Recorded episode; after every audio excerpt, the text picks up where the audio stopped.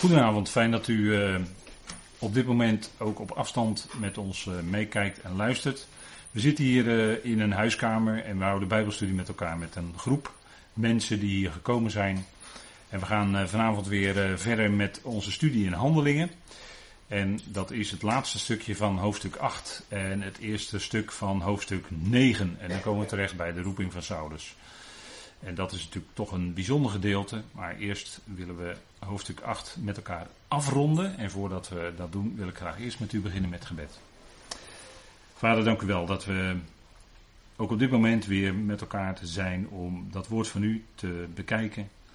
En u spreekt door uw woord tot ons hart. We danken u dat we daardoor weer opgebouwd mogen worden. En dank u wel dat u ons hart kent. Dat bij u alle dingen bekend zijn. Dingen waarmee we bezig zijn, die ons bezighouden. Misschien wel een stukje onrust of angst. Maar vader, dank u wel dat u dat woord in ons leven spreekt. En uw liefde blijkt daardoor, blijkt daaruit. En we danken u dat u het bent die ons ook vanavond wil voeden en koesteren. Dank u wel dat u daartoe ons oren en ons hart opent. En wilt u ook leiden in het spreken, wilt u daarin alle wijsheid geven, de woorden, de juiste woorden, de juiste gedachten. Dat die dingen naar voren mogen komen die u bedoelt. En die tot opbouw zijn van ons geloof en tot verheerlijking van uw grote naam. Vader, we danken u dat we ook in de geschiedenis van handelingen zien hoe u werkt. En dat we ook in het bijzonder bij de roeping van Saulus zien wat u doet en hoe u handelt. We danken u, Vader, dat u dat geeft. En mogen we ook zo deze avond in genade weer uit uw hand ontvangen. Daar dank u voor. In de naam van uw geliefde zoon. Amen. Goed, wij uh, lezen met elkaar de versen en we gaan gewoon versgewijs de, de tekst langs en uh, we zullen dan met elkaar wel kijken wat dat uh, allemaal te zeggen heeft. U ziet op deze dia allereerst een klein overzichtje van het laatste stuk van hoofdstuk 8. En het laatste stukje is dan vers 36 tot en met 38. Dat, hebben dat zullen we nog met elkaar bespreken. En vers 39, en dan is daarna het vervolg daar vanaf vers 40 en dan 9 vers 1. Dus Ethiopië en Filippus de doop in water, daar gaan we eerst naar kijken. Filippus door de geest van de Heer weggenomen. En we gaan wel kijken wat het uh, te zeggen heeft. Handelingen 8, vers 36, daar beginnen we vanavond. En er staat, terwijl ze nu verder gingen, over de weg kwamen zij bij wat water. En de uinig verklaarde, Zie water wat belet mij gedoopt te worden. De vorige keer hebben we met elkaar gesproken over Handelingen 8 en met name uh, ook uitgebreid Jesaja 53. Want de kamerling uit Moreland, zoals dat heet, de Uinug van Kanda C, die las dat. Filippus was bij hem gekomen, door de Heer daar bij hem gebracht. En hij wilde graag begrijpen wat hij las. En toen legde Filippus hem uit dat het ging over de Messias, over Jezus Christus, de redder. En hij geloofde dat. Dat was een gelovig mens. Hij was een proseliet. Hij was naar Israël gekomen, naar Jeruzalem gekomen, in verband met de feesten, zoals dat gebruikelijk was. Drie keer per jaar moest men optrekken naar Jeruzalem. En daar kwamen ook mensen die proseliet waren geworden. Dat wil zeggen mensen die gehoord hadden van de God van Israël. En om het zomaar te zeggen, genaderd waren tot de God van Israël. En die feesten, sommigen wilden dan ook die feesten daadwerkelijk meemaken. Dat was het Pesach, dat was het uh, Shavuot, het wekenfeest. Dat is het tweede grote feest. En het derde grote feest is dan Sukkot, oftewel loofhutten, wat in Israël nu net gevierd is of nog net gevierd wordt. Dat wil ik even vanaf zijn. Maar in ieder geval hebben we in Israël net weer Rosh Hashanah gehad. Op de tiende van de zevende maand dus de grote verzoendag, Yom Kippur. En vanaf de tiende tot de vijftiende Loofhutten, Sukkot. En daar is dan festiviteit en wereldwijd uh, wonen Joodse mensen die dat vieren. Die dat uh, aan de hand van de Torah willen doen. Die wonen dan in uh, loofhutten, om het zo maar te zeggen. En die maken bijvoorbeeld op hun balkon of achter hun huis buiten een hutje met een open hemel, met takken erboven, al dan niet. En dat is eigenlijk een herinnering aan de uittocht uit Egypte. Onlangs uh, hadden we een uh, kort stukje van een Joodse vrouw die in Israël woont. En die vertelde over de situatie in Israël. En zij had ook een loofhutje en ze liet ook even zien, de cameraatje draaide. En ze liet ook zien dat bij haar in de straat ook mensen loofhutten hadden gebouwd, daadwerkelijk. En dat meevieren. En die mevrouw had best wel een heel ernstige boodschap hoe het daar toe gaat in Israël. Vandaag de dag. Dat is uh, toch wel ernstig. De mensen staan daar onder druk. En je hoort dan eigenlijk, en dat vond ik wel bijzonder, met wat zij vertelde. Hoor je dan eigenlijk wat de Heer Jezus in Matthäus 24 heeft geprofiteerd. Dat ouders tegen kinderen, kinderen tegen ouders en onderling, dat mensen tegen elkaar opgezet worden. En dat gebeurt vandaag aan de dag. En dat is door de Heer Jezus in Matthäus 24 voorzegd in verband met de eindtijd. Hè? Want in vers 15 van Matthäus 24, moet u niet vergeten, is, dan zegt de Heer Jezus, als de gruwel van de verwoesting wordt opgericht, waarvan gesproken is door de profeet Daniel, dan moet je maken dat je wegkomt. Dan moet je vluchten naar de bergen. Anders loop je een grote kans dat je het niet overleeft. Dat is eigenlijk de strekking van zijn boodschap. U kent die woorden, het zijn hele bekende woorden. Maar die woorden die de Heer Jezus heeft gesproken, leest u ze nog maar eens na vanavond in Matthäus 24. Die worden nu bewaarheid in Israël. Dat is nu aan de hand. Exact wat de Heer Jezus heeft voorspeld. En natuurlijk, de Heer Jezus was de grootste profeet van allemaal. Dus wat hij heeft gezegd, dat is waar, dat gaat vervuld worden. En we zien nu dat het vervuld gaat worden. Dan moeten we niet gek opkijken dat het nu vervuld wordt. Nee, het wordt nu vervuld, daadwerkelijk. Dat wil nog niet zeggen dat de laatste jaarweek van Daniel al begonnen is. Dat is nog niet het geval. Anders waren wij al weg. Althans, dat is mijn diepe overtuiging. Dat wij voor de laatste jaarweek van Daniel, de hele jaarweek, waarvan de tweede helft grote verdrukking is en de eerste helft nog niet. Maar mijn overtuiging is dat wij voor die hele jaarweek worden weggerukt met de bazuin van God. En in Israël zal er dan met name grote verdrukking zijn. De tweede helft van die laatste jaarweek. Dan heeft de wetteloze, die dan aan de macht is, de wereldleider, de grote wereldleider, die nog moet komen, die nog op het podium moet komen. Maar ik denk dat hij achter de coulissen, achter de schermen er al is. Dat kan bijna niet anders. Die moet op het wereldpodium komen, de grote wereldleider. En die gaat dan enorme druk uitoefenen, met name op het Joodse volk, maar het zal wereldwijd zijn. En dat wij daar nu al wat van merken, van druk, verdrukking, daar moet u niet zo gek op kijken. Dat is teken dat we tegen het einde zitten van die boze aion. En ik denk dat je je tijd dan, naarmate je dat meer beseft, en zonder, zonder dat we daarvan in een kramp hoeven te komen, dat bedoel ik natuurlijk helemaal niet. Maar ik denk dat als je in deze tijd leeft, dan zou ik zeggen, koop die tijd uit. Koop de tijd uit. We hebben nog maar weinig tijd. Daar ben ik van overtuigd. En dat we leven dan in alle ontspannenheid, want we leven nog steeds in genade. Dus geen kramp. Maar koop de tijd uit.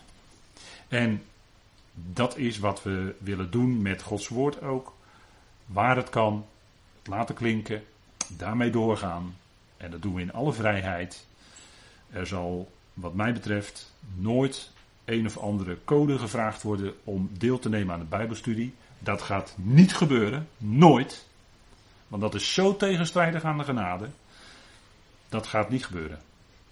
En het punt is dat we in een tijd leven waarin dus allemaal opstapjes gemaakt worden.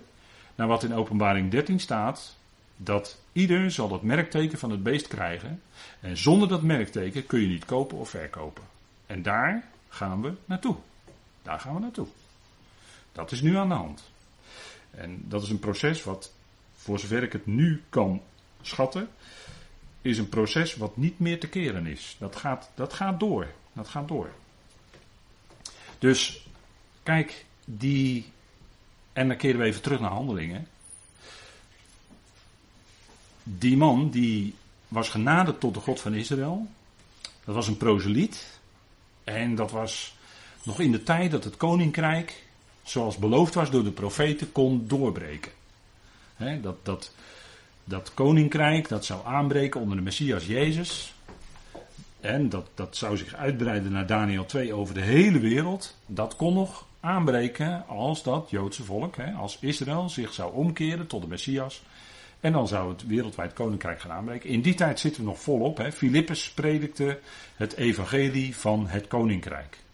Wat hier geroepen wordt, is de gemeente van God. De gemeente van God is een uitdrukking die we straks tegenkomen. En dat is, een, dat is wereldwijd. Ieder die uitgeroepen is in alle tijden, die uitgeroepen is uit de grote massa, om het zo maar te zeggen, die hoort bij de Ecclesia van God. Dat is allemaal uitgeroepen. Dat is nog niet, dat is nog niet het lichaam van Christus. Het lichaam van Christus zou pas gaan vorm krijgen na de roeping van Saulus.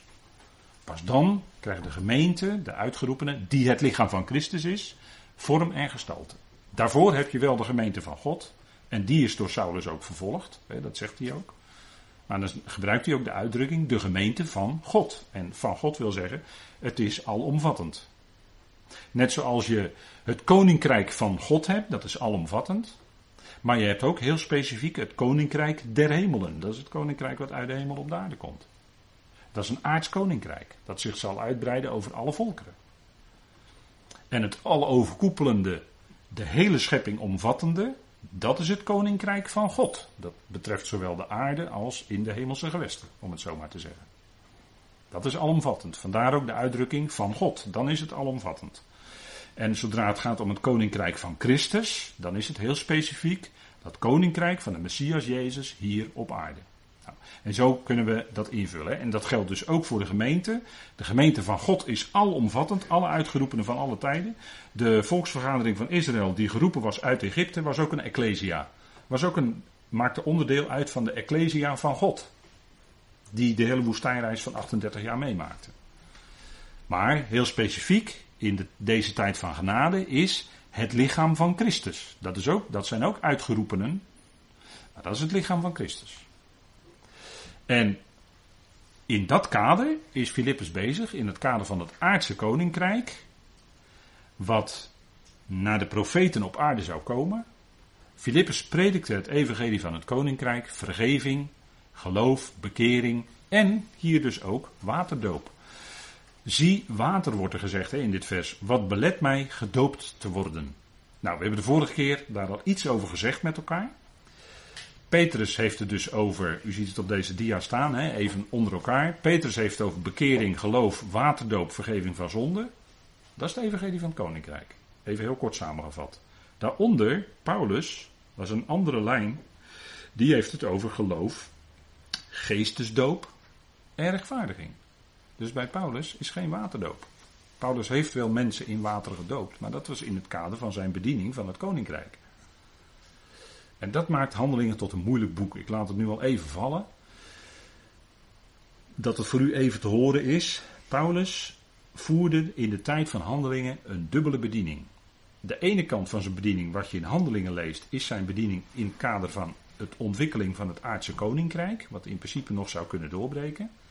En aan de andere kant heeft hij zijn onderwijs, zijn evangelie, en dat lees je in de brieven, waardoor de gemeente geroepen wordt. Dus Paulus heeft gedurende een heel aantal jaren een dubbele bediening gehad. En dat maakt handelingen tot voor velen, voor tot een lastig te begrijpen boek. Maar als je deze sleutel kent van handelingen, dan kom je eruit. Dan kom je niet in de verwarring. En dat moet je goed uit elkaar houden. Nou, hier is Filippus bezig. Hij zegt, zie, hè, die uinig die zegt, zie water wat belet mij gedoopt te worden. En in het kader van het koninkrijk was het ook nodig dat mensen in water gedoopt werden. Mensen werden in water gedoopt. Dat gold in het kader van dat evangelie. Maar in het kader van het evangelie van Paulus geldt alleen de doop in de geest. Paulus zegt ook in Efeze 4, er is maar één doop. En dat is de doop in de geest. En niet in water. Dat wordt ook helemaal niet genoemd. Hè? Het wordt niet genoemd in Romeinen 6, hè, wordt geen water genoemd. In Colossense 2 wordt geen water genoemd. En in Efeze 4 wordt ook geen water genoemd. Nee, het gaat om een doop in de geest. En rechtvaardiging, dat is natuurlijk duidelijk een stuk onderwijs bij Paulus, wat je niet bij Petrus vindt. En verzoening. Dat is allemaal dat is een hele andere lijn dan bij Petrus. En u ziet de tekstwijzingen erbij. Die heb ik er maar bijgezet, zodat u nog eens, als u dat wil, kunt u dat nog eens nalopen. En als we kijken bij die doop, kijk, de vers 38 zegt, hij beval de wagen te laten stilstaan. En beiden daalden af in het water, zowel Filippus als de uinig, en hij doopte hem.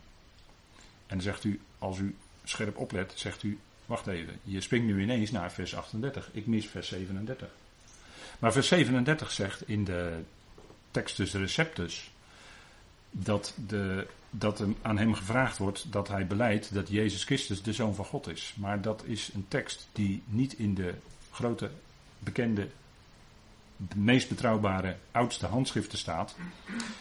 Staat wel in Textus Receptus en dat is hoogstwaarschijnlijk, daar, zijn, daar is men uh, in de eh, daar zijn de geleerden, om het zo maar te zeggen, het wel over eens. Als u de concordante vertaling erop naslaat, zult u hem ook niet terugvinden.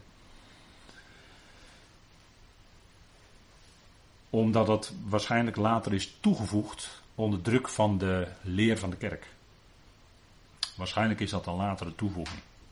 In het kader van de ontwikkeling van de leer van de drie-eenheid. Dat men dus zegt, Jezus Christus, hè, dat die beleidenis dan, een stukje beleidenis, moet voorafgaan aan die doop. Hè, dat is dan wat kerkelijke gedachte. Dat die eindig beleed dat Jezus Christus de Zoon van God is. Maar dat was niet noodzakelijk om dat te beleiden. En natuurlijk is Jezus Christus de Zoon van God. Laat dat even vooral heel erg duidelijk zijn. Jezus Christus is de Zoon van God, natuurlijk. Alleen dit vers, specifiek vers 37, is later toegevoegd. En kunt u dus wel vinden in de Textus Receptus, waar de Statenvertaling op gebaseerd is. Maar dat is een minder betrouwbare tekst dan bijvoorbeeld de teksten waar de concordante vertaling op gebaseerd is. En dat is de Sinaiticus, de Vaticanus en de Alexandrinus, zoals u weet. Dus dat even voor alle duidelijkheid. Hè. Vandaar dat we skippen vers 37. Dat hoort nu eenmaal niet bij de oorspronkelijke tekst. En hij beval de wagen te laten stilstaan. En beide daalden af in het water, zowel Filippus als de uinig, en hij doopte hem. En natuurlijk gebeurde dat door onderdompeling. Doop door onderdompeling. Anders is het geen doop, anders is het alleen besprenkelen. En er staat nu eenmaal het woord bapto of baptizo in het Grieks. En dat is niet het woord rant rantizo, want het woord rantizo betekent besprenkelen. En dat is wat men bij de babytjes in de kerk doet. En dan zegt men, de doop is in de plaats gekomen van de besnijdenis. Maar wat men doet is geen doop, maar is besprenkelen. Dopen is echt onderdompelen. Dus dat doet men niet eens. Plus dat de kinderdoop helemaal geen bijbelse leer is. Dat is een buitenbijbels gegeven. Dat is er later aan toegevoegd. Dat is een levende kerk. Dus daar kunnen we gewoon ook langs. Kijk, bij dat koninkrijksevangelie is de rite of het ritueel van besnijdenis een type van de afsnijding van het vlees in de besnijdenis van Christus. Dus in het koninkrijksevangelie heeft besnijdenis nog een plaats. En dat is iets wat aan het vlees gebeurt. Terwijl je bij de apostel Paulus vind je de diepe geestelijke vervulling of betekenis van de besnijdenis. Dat is het afsnijden van het vlees in de besnijdenis van Christus. Colossense 2. En dan ben je dus, en dan heb je de diepe geestelijke betekenis van de besnijdenis. En daar gaat het eigenlijk om. Het gaat niet om dat ritueel wat plaatsvindt, nog steeds vandaag de dag bij Joodse jongetjes, maar in Amerika wordt het ook uitgebreid gedaan. En andere religie gebeurt het ook, dat weet u. Maar het is allemaal een handeling die door mensenhanden aan het vlees gebeurt. En als ik het zo zeg, dan weet u al, dat kan niet het evangelie van Paulus zijn, want dat is genade. Als er nog mensenhanden aan te pas komen, is het geen genade meer, want dan is het een stukje werk. En dat geldt ook voor de waterdoop, waar we misschien jaren geleden een aantal van u best wel moeite mee hadden om daar afscheid van te nemen. Maar de waterdoop is ook een type uh, niet zozeer van de dood van Christus, maar is een type van het vervolg van die besnijdenis in feite, namelijk de begrafenis en de opstanding. Dus je hebt besnijdenis en waterdoop, ze zijn allebei typen van de werkelijke geestelijke vervulling in de dood en opstanding van Christus. En het gaat natuurlijk om die dood en opstanding van Christus. Dat is de waarheid, dat is de werkelijkheid waar het allemaal om ging. En die rite van de waterdoop is, dus is op zich natuurlijk wel een heel mooi beeld van de begrafenis en opstanding van Christus. Maar let op, in deze riten of rituelen heeft het vlees nog een plaats. Want waterdoop gebeurt door mensenhanden. Je gaat onder in water en er gebeurt iets aan je vlees, om het zo maar te zeggen. Bij besnijdenis ook. Daar gebeurt nog iets aan het vlees, gebeurt door mensenhanden. En dan is het al niet zuiver genade meer. Dus zolang deze dingen nog een plek hebben, en daarna kun je ook zien dat, dat je nog zeker niet bij Paulus bent, zolang deze dingen nog een plek hebben, heeft het vlees, om het zo maar te zeggen, nog een bepaalde plaats. In het evangelie naar de apostel Paulus geldt het woord van het kruis en dat maakt een einde aan het vlees. Aan het kruis is een einde gemaakt aan die oude mens, aan het vlees. En daarna kan het vlees kan geen rol meer spelen. Dat is onmogelijk. En dat maakt het voor mensen, ook gelovige mensen, en dat, of je wel of niet gelooft, heeft daar verder dan niet zoveel mee te maken. Alleen het punt is, hè, of je, ik bedoel eigenlijk, of je lid van het lichaam van Christus ja of nee bent, heeft daar niet zoveel mee te maken. Maar het gaat erom dat je in geloof een stap, stapje, hè, uh, ook ja, van de week zijn we wat bezig geweest met uitzoeken van oude Bijbelstudies, vandaar dat ik erop kom. En er was ook zo'n Bijbelstudie dat heette, die heette Een stapje verder. En dat zou ik eigenlijk nu willen zeggen. Een stapje verder in je geloofsleven is dat je de diepe betekenis van het kruis gaat leren kennen. Het kruis maakt namelijk een einde aan het menselijke vlees. Aan het menselijke ik. En dan zegt u wel eens, ja, in de wereld, hè, onder, onder mensen die vooraan staan, heb je hele grote ego's. Ja, maar als je onder gelovigen uh, gaat kijken, eh, dan uh, ja, moet ik misschien wat zachter gaan spreken, automatisch. Onder gelovigen merk je toch soms dat bij mensen dat toch nog wel een rol speelt. Dat, Grieks, dus een Grieks woord, ego. Het punt is dat dat mede gekruisigd is met Christus. Dus daar is een einde aan gemaakt, een radicaal einde. En dan zegt Paulus ook: het is niet langer ik, maar Christus. Dus dat oude ik van Paulus, dat ging eigenlijk helemaal aan de kant door het kruis, door de werking van het kruis. En daar kwam dat leven voor Christus voor in de plaats. En dat is geweldig.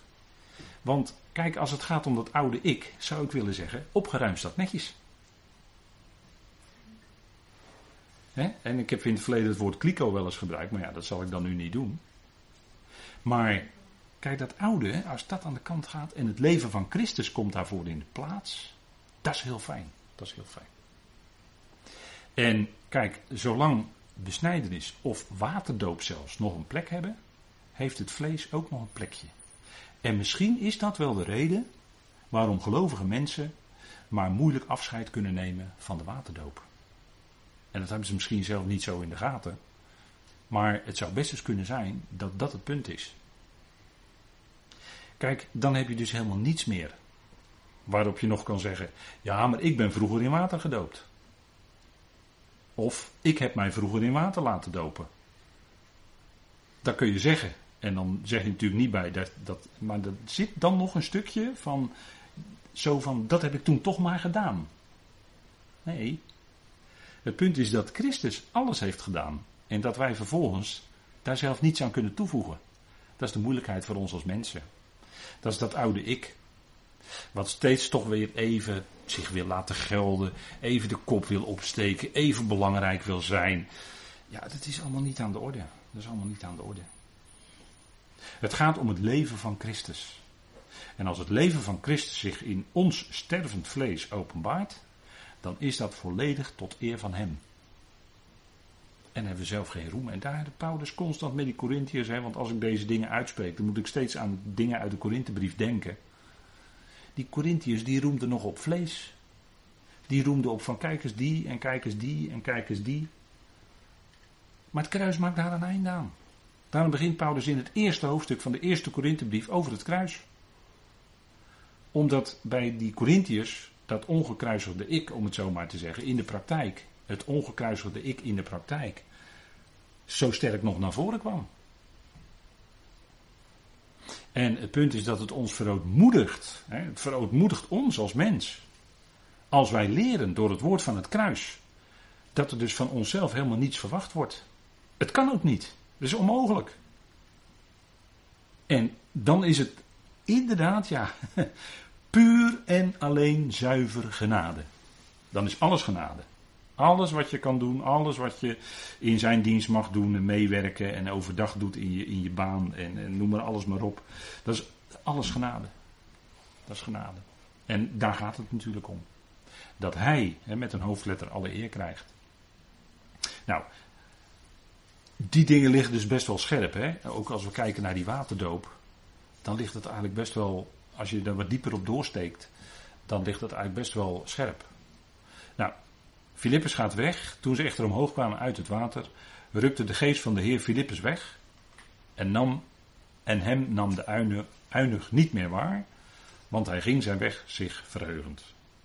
Deze uinig die was gedoopt, hij was blij, hij had het evangelie gehoord van de Messias en hij was blij dat hij Jezus had leren kennen en door Jezaja 53 duidelijk was gemaakt dat Jezus zijn redder is. Dat is natuurlijk bij het evangelie van het koninkrijk centraal ook gegeven. Jezus is natuurlijk de redder van iedereen. En dat geldt natuurlijk ook in dat koninkrijk, in, in dat evangelie. Alleen daarna gaan de wegen heel scherp uit elkaar. Hè? Voor wat betreft die twee evangeliën. Nou, Filippus weg. De Heer nam hem weg. En Filippus was als mens niet langer nodig op dat moment. En de Heer ging hem ergens anders inzetten. Hè, zo gaat dat. En wij zouden dan zeggen, ja, eerst Filippus was met succes, met succes bezig in Samaria en hij werd weggenomen daar om alleen die uinig, hè, om alleen die nakomeling van Gam, om die te bereiken. En die ging ze weg, maar dat was wel een belangrijk persoon. Hè. We hebben de vorige keer gezien, het was de thesaurier-generaal waarschijnlijk, hè, van, van toch wel een behoorlijk land in Afrika. En het was een nakomeling van Gam. Dus dat was best wel iemand. En die heeft misschien, maar dat weten we niet, dat vul ik dan nu maar even zo in. Die heeft misschien best wel in dat land best wel heel veel mogen vertellen over wat hem overkomen was. En hij was aan het hof, dus uh, wie weet wat het allemaal nog heeft uitgewerkt. Weten we niet. Komen we later nog wel een keer achter. Hij ging zijn weg zich verheugd. En dat is wat de Heer ook in ons hart en leven geeft. Vreugde. Dat is bij ons de vreugde van de volle genade. 100% genade. En ja, dat, dat, dan, dan kun je alleen maar blij zijn. Want dan hangt het allemaal niet van jouzelf af. Dan hangt het van Hem af. Dan hangt het van God af. En je mag rustig alles overgeven in Gods hand. En dat is best moeilijk. in, in, de, in de praktijk van het leven zeggen psychologen wel eens: ja, je moet loslaten. dat is dan iemand die in de ziel het erg moeilijk heeft. Die gaat naar de psycholoog. En je moet loslaten. Ehm, nou, daar zit wel iets in, toch wel.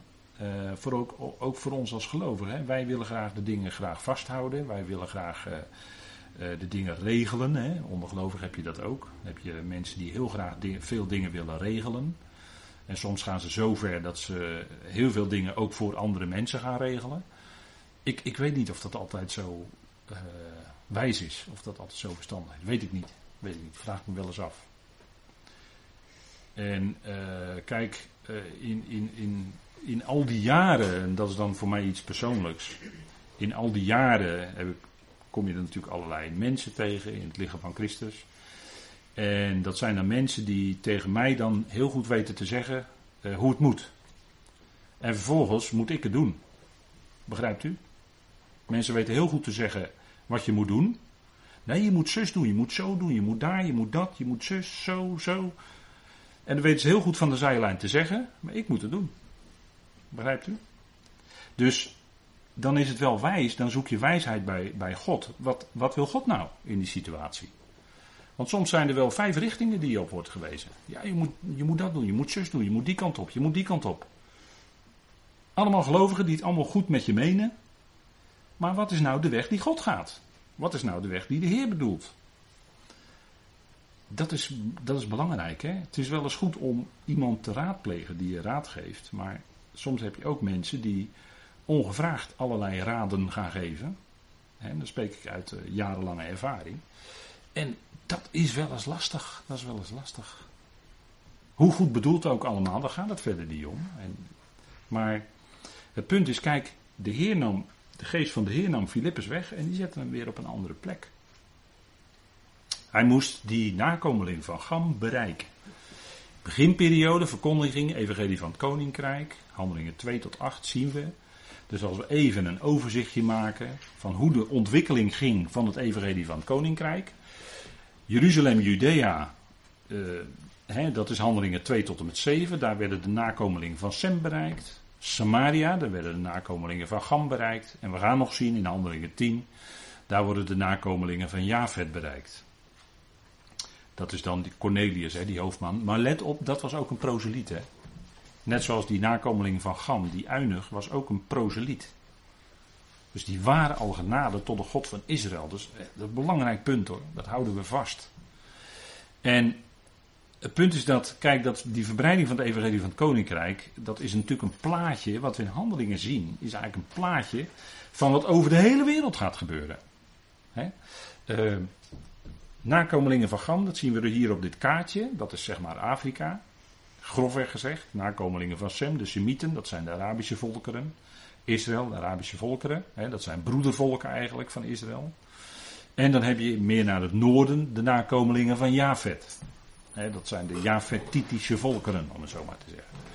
Nou, die zullen allemaal in, het, in de tijd van het koninkrijk, als die grote steen, hè, Daniel 2 vers 44, als die grote steen van berg afrolt en die gaat de hele aarde vullen, dat is natuurlijk een beeld wat Daniel zag. Of het was in een droom. Maar in ieder geval, het is een beeld van dat, die, dat het helemaal die hele aarde gaat vervullen. En dat maakt dat hele beeld ging aan gruzelementen. Wat Nebuchadnezzar zag, dat gouden hoofd, dat zilver en dat koper en dat ijzer, leem, tenen. Dat hele beeld ging helemaal aan gruzelementen. Want het hele beeld is ook een beeld van het wereldrijk van de eindtijd. En dat gaat helemaal aan gruzelementen. Dat gaat helemaal naar de Galamiezen. Ken je dat woord nog trouwens, Galamiezen?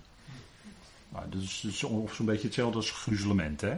Nou, dat hele, dat hele koninkrijk van de antichrist, van de wetteloze, dat zal totaal vernietigd worden. Want als de Messias Jezus komt, hij is die steen, dan gaat dat hele oude wereldrijk definitief ten einde. Babylon wordt verwoest, hebben we gezien met de studies openbaring. Babylon wordt verwoest. Helemaal, totaal, en het komt nooit meer terug. Babylon als stad komt nooit meer terug. Dat is geprofiteerd. Die stad wordt nu opgebouwd door de Chinezen, dat weet u. En die wordt opgebouwd tot de wereldhoofdstad van de eindtijd. En dan heeft hij korte tijd die rol. En dat is dan ook gelijk de laatste keer en daarna is het over en uit. Tot stof. dan wordt het helemaal verwoest. En het wordt helemaal verpulverd. En als ik dat woord gebruik moet ik denken aan de Twin Towers die werden tijdens het instorten verpulverd. En moeten maar eens nog eens goed naar die beelden kijken, nog eens goed over nadenken wat daar nou precies gebeurde. Terwijl de torens instortten, werden ze verpulverd. En dat was staal hoor, dat was hard staal waarmee het gebouwd was. Dus dat is heel opmerkelijk wat er op die dag gebeurd is. Maar goed, dat is even, even terzijde, een zijopmerking. Mag u gelijk weer vergeten, ga ik misschien er wel uitknippen. Zo zal Babylon,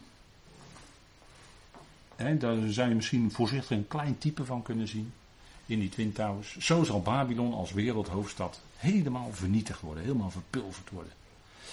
En daar zal het koninkrijk van Christus, en dat zal dus alle nakomelingen van de zonen van Noach bereiken. Geweldig. Dat is nog toekomstmuziek. Filippus werd gevonden in Asdod, zegt vers 40, doorkomend en hij verkondigde het evangelie aan al de steden tot hij in Caesarea kwam. En hij kwam in Caesarea, waar later ook uh, Cornelius was en waar Petrus kwam. dat Caesarea, dat was vernoemd naar de keizer. En Astot heeft te maken met, u weet wel, die strook daar, die Gaza-strook, eh, waar toen de Filistijnen ooit woonden met Simson en zo. En nu wonen daar de Palestijnen. Ja, de geschiedenis herhaalt zich. Hè.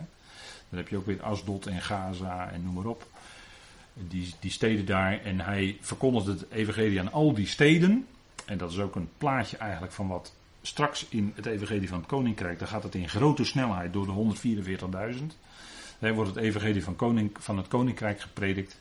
En als dat evangelie van het koninkrijk in grote snelheid alle volken bereikt heeft, dan zal het einde komen, zegt de Heer Jezus in Matthäus 24 onder andere. Nou, Filippus succesvolle gang in het evangelie van het koninkrijk is een plaatje van hoe het in de eindtijd, voorafgaand aan dat koninkrijk, dan moet dat helemaal gepredikt worden aan alle volken. En dat zal ook doorgaan. Dan zullen alle volken ook tot discipelen gemaakt worden. in, de, in de komende duizend jaar. De volkeren zullen tot discipelen gemaakt worden. De komende duizend jaar. En dan die belofte geldt ook van de Heer Matthäus 28. Die belofte van de Heer geldt dan, met name in dat duizendjarig rijk, dat Hij met hen zal zijn tot aan de voleinding van de Aion. Dat is die Aion van de duizend jaar, van de dag des Heeren. Die Aion is dat. En daarna gaat het natuurlijk nog veel heerlijker worden. Daar zijn we in de studies openbaring inmiddels aan toe. Dat is de tijd van de nieuwe hemel en de nieuwe aarde, het nieuwe Jeruzalem. Het nieuwe Jeruzalem.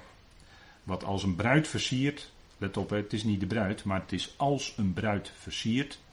Komt het uit de hemel van God op de aarde. Dat nieuwe Jeruzalem. Geweldige stad. Maar die komt op de aarde. En dat is natuurlijk iets geweldigs. Dat is met pleinen en straten van goud en, en met edelstenen. En, en het zal allemaal licht uitstralen. Dat is ongelooflijk wat, wat dan zal gebeuren. En het geweldige is dat op die nieuwe aarde. Op die nieuwe aarde staat. Dat is iets geweldigs. De dood zal er niet meer zijn. Dat is het woord thanatos in het Grieks. En dat betekent eigenlijk het doodgaan. Dus daar zullen mensen niet meer overlijden. Dus dan zijn uitvaartondernemingen niet meer nodig. Dat is dan voorbij. Mensen worden niet meer begraven of verast of hoe dan ook, zoals het nu gaat. Dat is dan niet meer nodig, want mensen overlijden dan niet meer. Want het geboomte van het leven geeft twaalf maanden per jaar, elke maand vrucht. En dat zou dus natuurlijk geweldig hè? Als u achter uw huis een appelboom zou hebben staan, dat hebben na de buren dan, maar wij mogen ook profiteren. Als je dan een appelboom hebt staan die elke maand zo'n zo'n berg appels geeft, dus dat is fantastisch, dat is heerlijk. Kan je elke, elke maand heel veel appeltaarten van maken. Bij wijze van spreken, ja, wel lekker natuurlijk. Maar kijk, dat, die, geboomte van het leven, hè, dat zal natuurlijk geweldig zijn. En die bladeren, staat er dan ook, van het geboomte van het leven, die zijn tot heling van de volkeren dat is natuurlijk dat in die natuur die er dan zal zijn, dat zal zo'n geweldige levenskracht in zich hebben, dat als je daar gebruik van maakt, dan, dan ga je niet meer overlijden, dan blijf je leven. Dat is natuurlijk geweldig, hè? Wat er dan, en de mensen gaan dan niet meer dood. En er is nog iets geweldigs wat de Heer dan ook zegt, wat God dan zegt. Hij zal alle tranen van de ogen afwissen. Dat is geweldig, hè? Dan is het lijden voorbij. Dat is een prachtige uitspraak dat het lijden voorbij is. Nu kennen wij nog verdriet, hebben wij tranen over wat ons is overkomen en wat ons overkomt. Het lijden, de verdrukkingen. Dat gaat niet buiten ons om. Daar hebben we tranen van, daar hebben we verdriet van. En misschien huilt u niet uitwendig, maar dan wel inwendig. Dat kan ook. Het hoeft allemaal niet per se aan de buitenkant te zien te zijn. Maar inwendig kan je hart natuurlijk ook huilen. Dat is natuurlijk ook aan de hand. Hè? Als het lijden daar is, of als je kind lijdt, of als je, of als je mede familielid lijdt, of als je andere mensen in de wereld ziet lijden, dan, dan heb je daar verdriet van. En dat lijden, dat verdriet is dan voorbij. De Heer zal alle tranen van de ogen afwissen. Dat is geweldig, hè? Dat is een geweldige belofte. Die gaat hij natuurlijk waarmaken. En nu doet hij al die tranen in zijn leren zak. Hè? Hij is het eigenlijk. Kruik staat er dan in de vertaling. Er in de psalm ergens in Psalm 56, meen ik zegt hij dat hij al die tranen bewaart hij in zijn kruik. Met andere woorden, God kent je verdriet. God kent het lijden wat in je leven is. Hij weet wat je meemaakt. Hij kent je hart. Hij kent je dagen dat je misschien moeite hebt om de dag door te komen of het volgende uur door te komen. God weet ervan. Hij is nabij. De Heer is nabij. Dat is altijd een geweldige iets wat we ons mogen beseffen, wat we mogen koesteren. De Heer is nabij. Hij kent je lijden, hij kent je verdriet, hij kent je pijn, hij kent je lichamelijke pijn, hij kent de pijn in je ziel, hij kent de pijn in je geest. Hij is nabij. Hij troost en bemoedigt je. Want het blijft niet bij dit lijden. Maar dit lijden wat wij meemaken, dat zal omgezet worden in ongelooflijke heerlijkheid. Ongelooflijke heerlijkheid. En kijk, het, thema lijden en verdrukkingen, er is in het verleden best wel bijbelstudie ook over gedaan. En we hebben hier een klein boekentafeltje en daar liggen ook twee boeken op. Die gaan daarover. alles op een rijtje. En verdrukkingen en lijden. Dat zijn bijzondere boeken. Die zijn geschreven uit ervaring met druk, verdrukkingen en lijden. En die zijn de moeite waard. En u kunt, ze ook, uh, u kunt die boeken gratis uh, gewoon verkrijgen. bijzonder, denk ik toch wel. En ik denk dat dat fijne dingen zijn om je mee bezig te houden. Er zijn vandaag aan de dag tienduizenden berichten die je elke dag kan lezen. Van allemaal dingen die gebeuren. En er gebeurt ontzettend veel, maar je kan het toch niet allemaal bijhouden. Maar laat je hart in beslag genomen worden door Gods woord. Door de troost die dat woord geeft. Door de troost die God zelf geeft. Laat, laat dat je hart opbeuren en bemoedigen elke dag weer. En u weet, als u s'nachts wakker ligt, pak dat woord erbij. Lees het. Dank God ervoor. Of misschien zegt u van nou, ik ga even, ik doe die oordopjes in s'nachts, ik ga lekker luisteren en dan val ik daar heerlijk mee in slaap. Ook hartstikke fijn. Dat zijn bemoedigende dingen, dat zijn troostvolle dingen. En kijk, dan gaat het niet zozeer om dat wij uh, succes hebben. Want ik denk dat het evangelie naar Paulus, kijk, Filippus was succesvol, zou je kunnen zeggen, naar de mensen. Maar wij praten niet over volle zalen. Had Paulus ook niet. Paulus werd eh, de synagoge uitgegooid. Zullen we later in handelingen nog gaan zien, als we de tijd nog krijgen. Hij sprak in de synagoge en op een gegeven moment werd hij eruit gegooid. En hij ondervond dezelfde vervolging waarmee hij zelf eerst ook gelovigen had vervolgd. Eh, of de mensen die van die weg waren, hè? die mensen die geloofden in Jezus. Die vervolgde hij. Dat, dat is allemaal hetzelfde principe. En later ondervond Paulus dat zelf, die vervolging. En dan treedt weer hetzelfde principe op. Nou, dat gaan we zien. Want kijk, hier, handelingen 9, vers 1, dan komt Saulus opnieuw naar voren. En we hebben hem al gezien aan het einde van hoofdstuk 7, toen hij met instemming de mantels bewaakte van degene die Stefanus stenigden. Daar stond Saulus bij en met volle instemming. Hij was er volledig mee eens dat Stefanus, die onschuldig was, gedood werd door steniging. Zo was Saulus, hè? Zo fanatiek. En dat lezen we hier ook terug in Handelingen 9, vers 1. Saulus nu, nog dreiging en moord snuivend tegen de discipelen van de Heer, kwam naar de hoge priester. En u weet, en het woord snuiven is misschien wel ruim, maar het staat er echt in het Grieks. Dat woord snuiven, als je heel erg kwaad bent, dan kun je dit doen. Zo hè. Dan, dan, dan, dan ben je zo woedend dat je door je neus gaat ademen en dan, dan snuif je lucht in. En dan snuif je het ook weer uit. Of dan snuif je het ook weer uit. En bij Saulus was dat, dit is natuurlijk een beeldspraak, maar was dreiging en moord. Niet minder dan dat. Hè?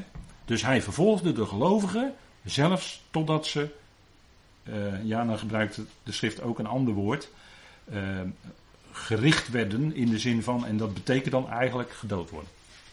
Zo was hij bezig.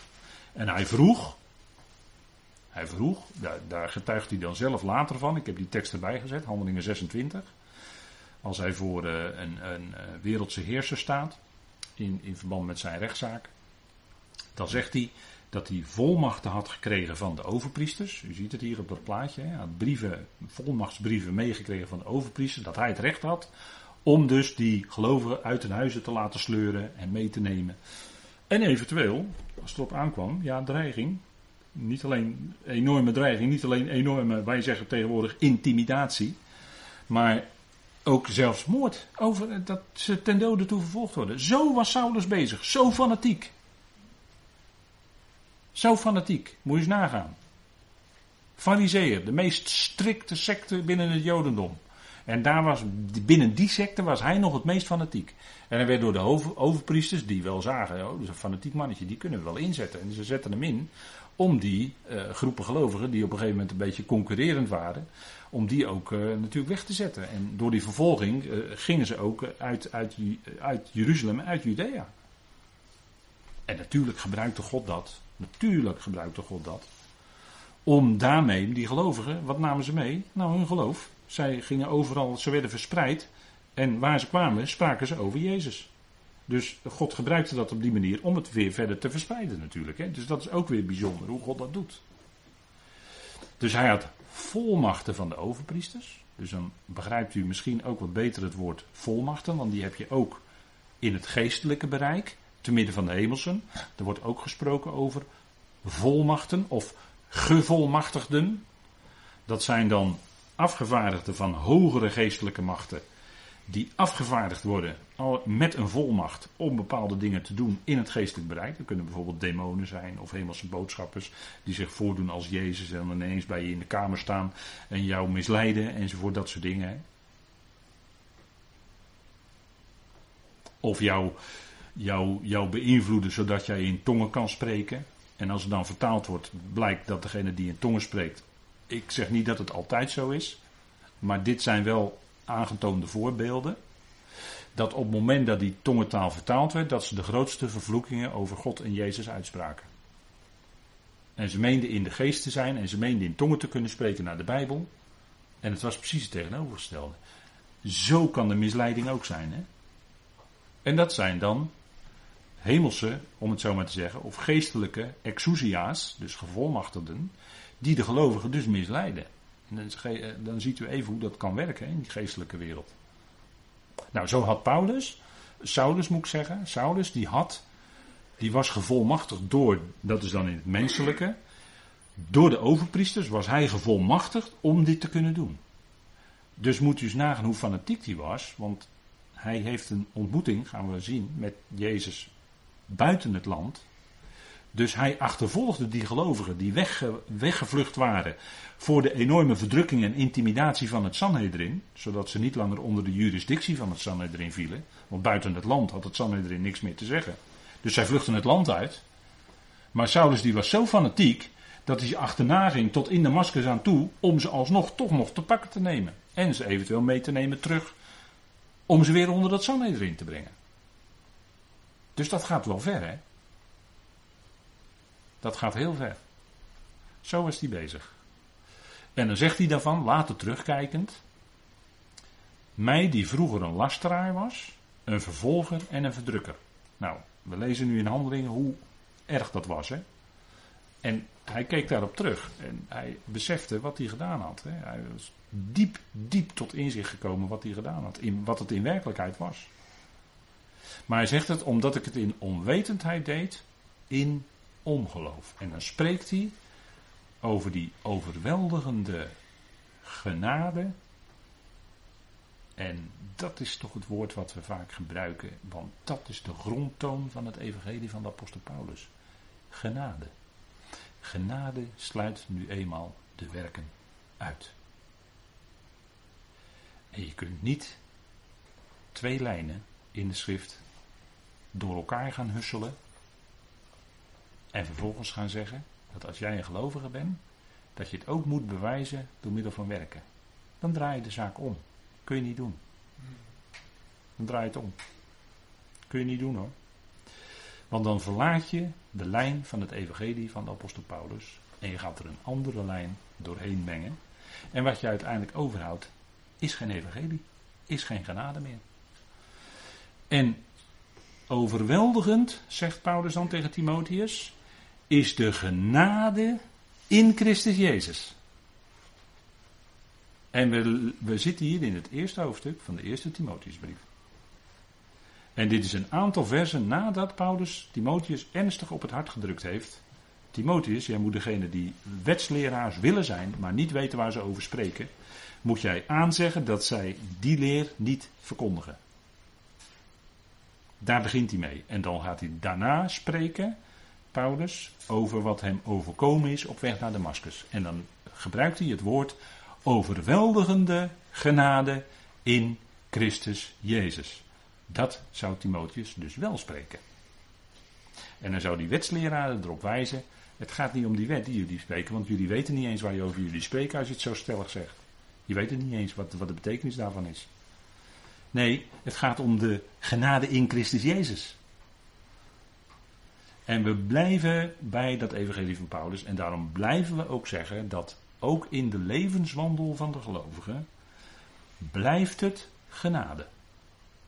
Gaan we niet ineens de werken invoegen als moet je, als moet je je geloof bewijzen. Nee, de levenswandel van de gelovigen blijft te allen tijden in genade. Daar gaat de Galatenbrief over. Ook al wordt het ontkend in onlangs een brief die aan Ebenezer geschreven is. Daar wordt gewoon een foute weergave van wat gelaten bedoelt aangegeven. Maar dat is dan ook geen brief van Paulus. maar dat is een brief van iemand anders. Kijk, de gelaten brief gaat over het feit dat wij leven in de praktijk in genade. Daar gaat de gelaten brief over. Het gaat daar niet om de rechtvaardiging dat die is zonder werken, dat je tot geloof komt zonder de werken. Nee, de gelaten brief gaat een stap verder. De gelaten brief heeft het over het feit dat de gelovige leeft te allen tijden in genade. Staat dan in de vrijheid waarmee je vrijgemaakt bent in Christus. Gelaten 5 vers 1. Staat in die vrijheid. Dat staan, dat is je wandel. Je leeft in genade. Dat is je leefklimaat. Anders, is het niet, anders kan het niet. Dat is het evangelie. Dat is waar de gelaten brief over gaat. In werkelijkheid. Dat is wat Timotheus op het hart gebonden krijgt van de apostel Paulus. Dat hij blijft bij de genade. En Saulus, Paulus wist als geen ander uit zijn eigen leven hoe dat werkt. Die kende heel scherp het contrast tussen een leven onder de wet in slavernij en een leven in genade in vrijheid. Denk erom dat Saulus, Paulus dat verschil heel goed kende uit zijn eigen leven. En daarom is hij ook zo fel in de gelatenbrief. En die hebben we behandeld met elkaar. Dus ik zou zeggen, lees de gelatenbrief. En als u daar toelichting op wilt, dan luister die banden van de gelatenbrief. Of die, die mp3'tjes. Maar die mp3'tjes zijn niet zo belangrijk hoor. Dat is alleen maar proberen toe te lichten. Het gaat om wat in de gelaten brief zelf staat. Om die schrift zelf natuurlijk. En daar zouden wij bij blijven. En dat is uh, wat we zien ook in de gelaten brief. Refereert Paulus daar ook aan. Want jullie horen van mijn gedrag ooit in het judaïsme. Dat ik de uitgeroepen gemeente van God bovenmatig vervolgde en haar verwoestte. En ik bracht het verder in het judaïsme dan veel tijdgenoten in mijn geslacht, omdat ik overvloediger dan zij ijveraar was voor de overleveringen van mijn vaderen. Dat is gewoon een levenservaring uit zijn eigen leven. En hij zegt ook dat hij de uitgeroepen gemeente van God vervolgde. Dat is nog niet het lichaam van Christus. Hè? Heeft hij het hier niet over. Dat was het toen ook nog niet. dus het gaat om de uitgeroepen gemeente van God. Die heeft hij bovenmatig vervolgd en zelfs verwoest. En uitgerekend zo'n verwoester werd geroepen in genade op weg naar Damascus. Nou, als dat geen genade is, dan weet ik het niet meer. Dat is natuurlijk, dan heb je alles verspeeld. Al, al wat maar krediet kon hebben naar God toe, heb je dan al lang verspeeld. En juist die wordt geroepen om de apostel van de natie te zijn. Ja, dat, dat kun je als mens niet bij. Nee, dat klopt. Dat, is, dat kun je ook niet bedenken allemaal. Dat is genade, dat is van God. Dat is uit God, dat is door God en dat is tot Hem. En daarom werd het leven van de apostel Paulus ook volledig tot eer van God. als het iemand wist die wat, wat, wat genade werkelijk betekende, dan was het de apostel Paulus wel.